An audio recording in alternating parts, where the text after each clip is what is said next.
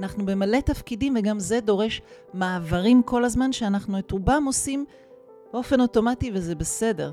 זה לא הכוונה לצאת רק מאוטומט, אלא לראות למעשה איך אני יכולה להבין ולהכיר ולהכיל את המקום שמעבר הוא עניין.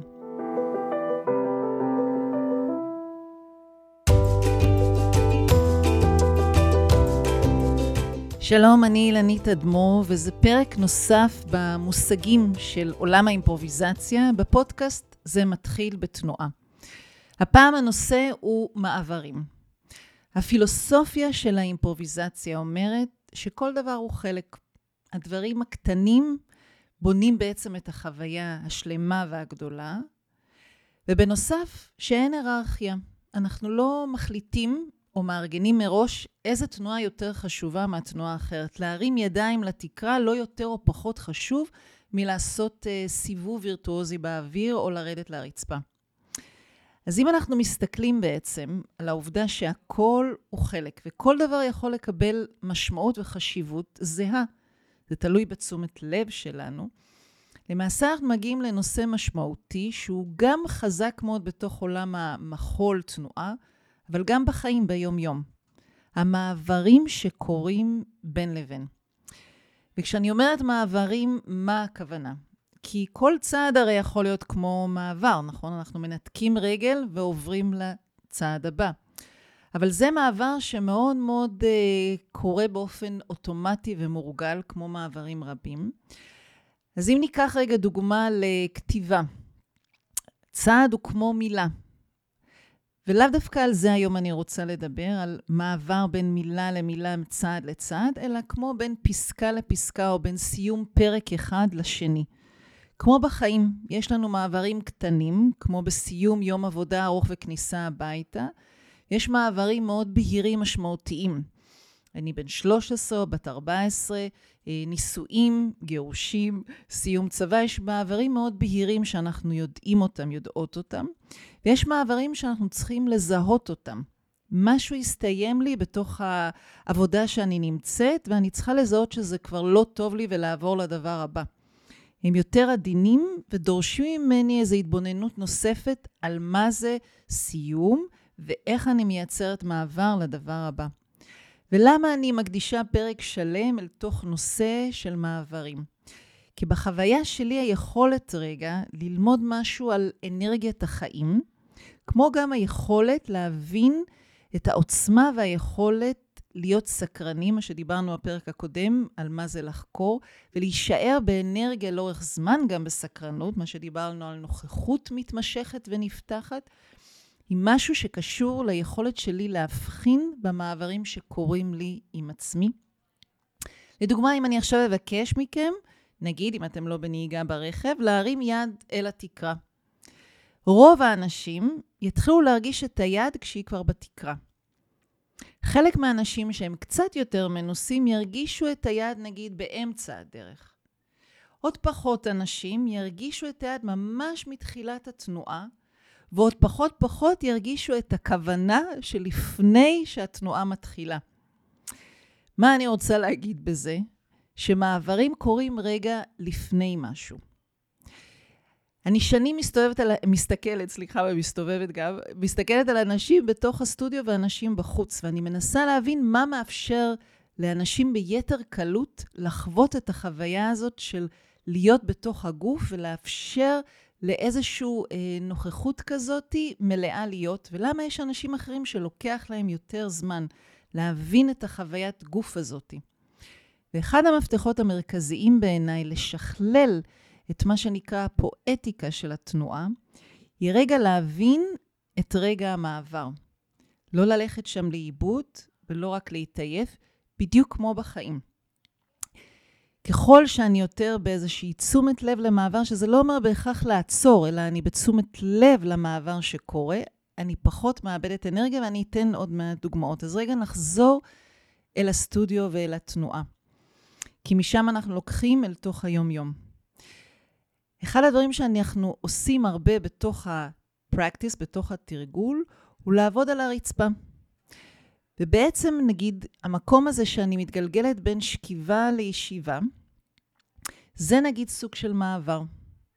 אז האם אנחנו לוקחים את הדימוי של רגע מעבר בין קצה יום עבודה לכניסה הביתה, כמו במין סיום עבודה ששכבתי על הרצפה לישיבה. כשאני מסתכלת על אנשים בסטודיו, אני מנסה לראות האם אני תומכת בעצמי במעבר. נכון, זה לא מעבר דרמטי, אבל גם סיום עבודה זה לא תמיד דרמטי, וכניסה הביתה, אבל עדיין שם יש משהו נוסף שקורה. אז למשל בסטודיו, אני יכולה לדחוף את הרצפה בזמן שאני עוברת לישיבה, ואז בעצם אני לא מאבדת אנרגיה של עבודת מאמץ במעבר הזה. להגיד המעברים שקורים לנו בין רגע העבודה פנימה, הקשבה פנימה, לפתיחת עיניים והסתכלות החוצה. המעבר שקורה בין ריקוד סולו לדואט. מעבר שקורה רגע בתוך זה שאני מקשיבה, לבין זה שאני עוד רגע אדבר. זאת אומרת שכמו בסטודיו, גם בחיים אנחנו בעצם מרכיבים את היום מאין ספור מעברים, והתשומת לב שלנו לזה שיש רגע מעבר מאפשרת לנו לעבור אותו עם תמיכה שאני נותנת, פיזית בגוף, כמו לדחוף את הרצפה. תשומת לב ביום-יום, כמו להבין, היי, hey, משהו פה משתנה, ואיך אני מתארגנת לקראת השינוי הזה, שמה שהרבה פעמים קורה זה שהוא כאילו אוטומטי, ולא באופן מודע, אנחנו לא חושבים עליו או נמצאים בתוך התשומת לב הזאת. מה שקורה לנו בעידנים האחרונים, במאה האחרונה, ובטח במאה ה-21 עכשיו, זה שאנחנו למעשה הפכנו להיות אנשים שעוברים בין אין ספור מימדים. אפילו זה שרגע עכשיו אני מדברת, ואז אני נותנת לעיניים שלי להיכנס רגע לאיזושהי רשת חברתית, עברתי ממימד למימד. או כמובן בין זה שכל אישה, אולי גם גברים ביניכם, עושים אין ספור משימות בין רגע להיות אימא, ראייה, לנהל משהו, להיות חברה, להיות חלק מהמשפחה, חלק מהשכונה. אנחנו במלא תפקידים, וגם זה דורש מעברים כל הזמן, שאנחנו את רובם עושים באופן אוטומטי, וזה בסדר.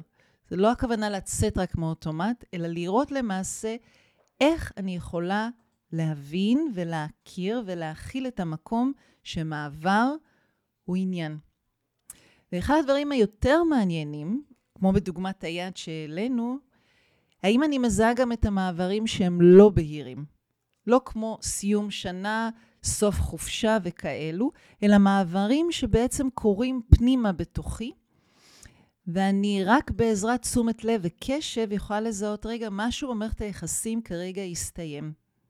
משהו במהלך, בעבודה שלי הסתיים, ואז במקום לעשות cut ושיפט, מה שהרבה מאיתנו עושים, זיהינו משהו, זה מבהיל, מיד אנחנו חותכים לדבר הבא, איך נותנים איזשהו זמן מעבר. כי שוב, אני תמיד לומדת בגוף, ככל שאני מרגישה את תחילת התנועה, ושולחת שם כוונה ליד, מרגישה את הרגע עוד לפני, משהו קל קורה לי בתוך התנועה, כי התשומת לב הלכה אל היד עוד לפני שהיא זזה. אותו הדבר אפילו היום, נגיד, לפרק הזה שאני מקליטה. ככל שאני באה עם כוונה ועם תשומת לב ונוכחות מלאה, קל לי יותר להתחבר ולהקליט אל תוך מה שאני אומרת ועושה, או לפני פגישה עם חברה או פגישה חשובה בתוך העשייה. משהו בתשומת לב למעברים נעלם לנו, כי המעברים כל כך מהירים, דחופים, אבל למעשה הם איזשהו רגע בעיניי שאנחנו מאבדים המון אנרגיה, כאילו כי אנחנו יכולים, כי אנחנו מיומנים ואנחנו יכולים. אז אחד, לשים לב לרגעי מעברים, איפה בעצם אני מאבדת את האנרגיה שלי, ואז מה יתמוך, כמו הדחיפה של הרצפה, לקבל עוד תמיכה. אם זה רגע, נגיד, הדבר הכי פשוט של רגע לפני סיום עבודה וכניסה הביתה לקחת נשימה, או אם זה מקום שפשוט להיות בתשומת לב רגע לפני פגישה, הנה אני נכנסת ואיזה אנרגיה וכוונה אני מביאה. המקום משמעותי במעברים הוא להרגיש רגע שאנחנו נותנים לו תשומת לב ולא רק עושים מעברים חדים מדבר לדבר.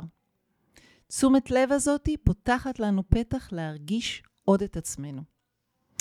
אז מעברים הם חלק מהותי בתוך התהליך של התנועה, ועוד יותר בתוך התהליך של האימפרוביזציה, כי אמרנו שהיררכיה היא לא הדבר שמוביל, ואיך אני מרגישה כל תנועה ואני נותנת לה את מלוא תשומת הלב בהקשר של מה שלי כרגע נכון.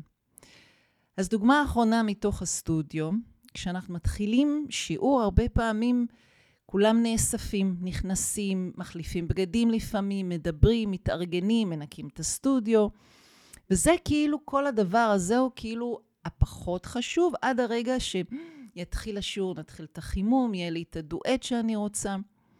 ודווקא בעיניי, כל המעבר הזה של מסיום היום, או תחילת היום, כניסה לסטודיו, ההתארגנות, ואיך אנחנו עכשיו נכנסים עד הרגע שהמורה או מורה או וואטאבר יקרה, הכוריאוגרף יגיד, בואו נתחבר אל הגוף.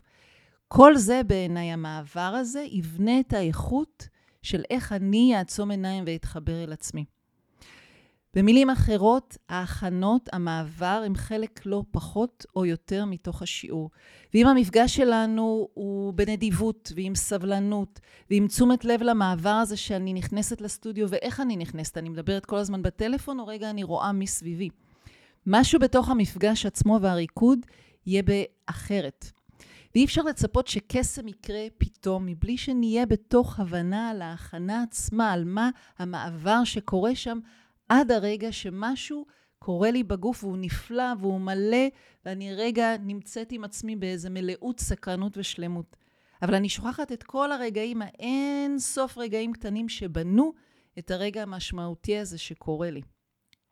אז אני מזמינה אתכם להסתכל על מעברים בתוך היומיום, כמו מעברים בתוך הסטודיו, למי שאיתנו מתרגל, ולראות שהמעבר הוא לא עד ש... רק, ש... רק נגיע אה, לחו"ל, עד שנגיע למלון ונתארגן.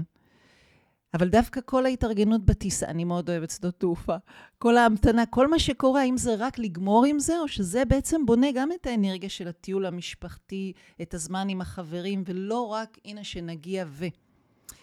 אז זה אחד הדברים ש... אה, אה, נגיד, הדוגמה הזאת של המעברים היא גם דוגמה של רגע שהמעברים גדולים. כמו למשל במעבר דירה, או כמו טיסה עכשיו שעלה לי כדוגמה, שם גם יש משהו עדין. נכון שאנחנו עוברים דירה, מעברים כאלו שדורשים מאיתנו עוד התגייסות, אנחנו יודעים שאנחנו צריכים תמיכה ועזרה בהם. מעברים העדינים של היום-יום, איך אנחנו תומכים בתשומת לב לעצמנו. אז מעברים הם כאילו בדרך ל, אבל האימפרוביזציה אומרת אין בדרך ל, כל רגע הוא רגע. והמעבר, ההתארגנות, ההכנה, היא לא פחות או לא יותר מהרגע עצמו. אז איך אתם בתוך מעברים?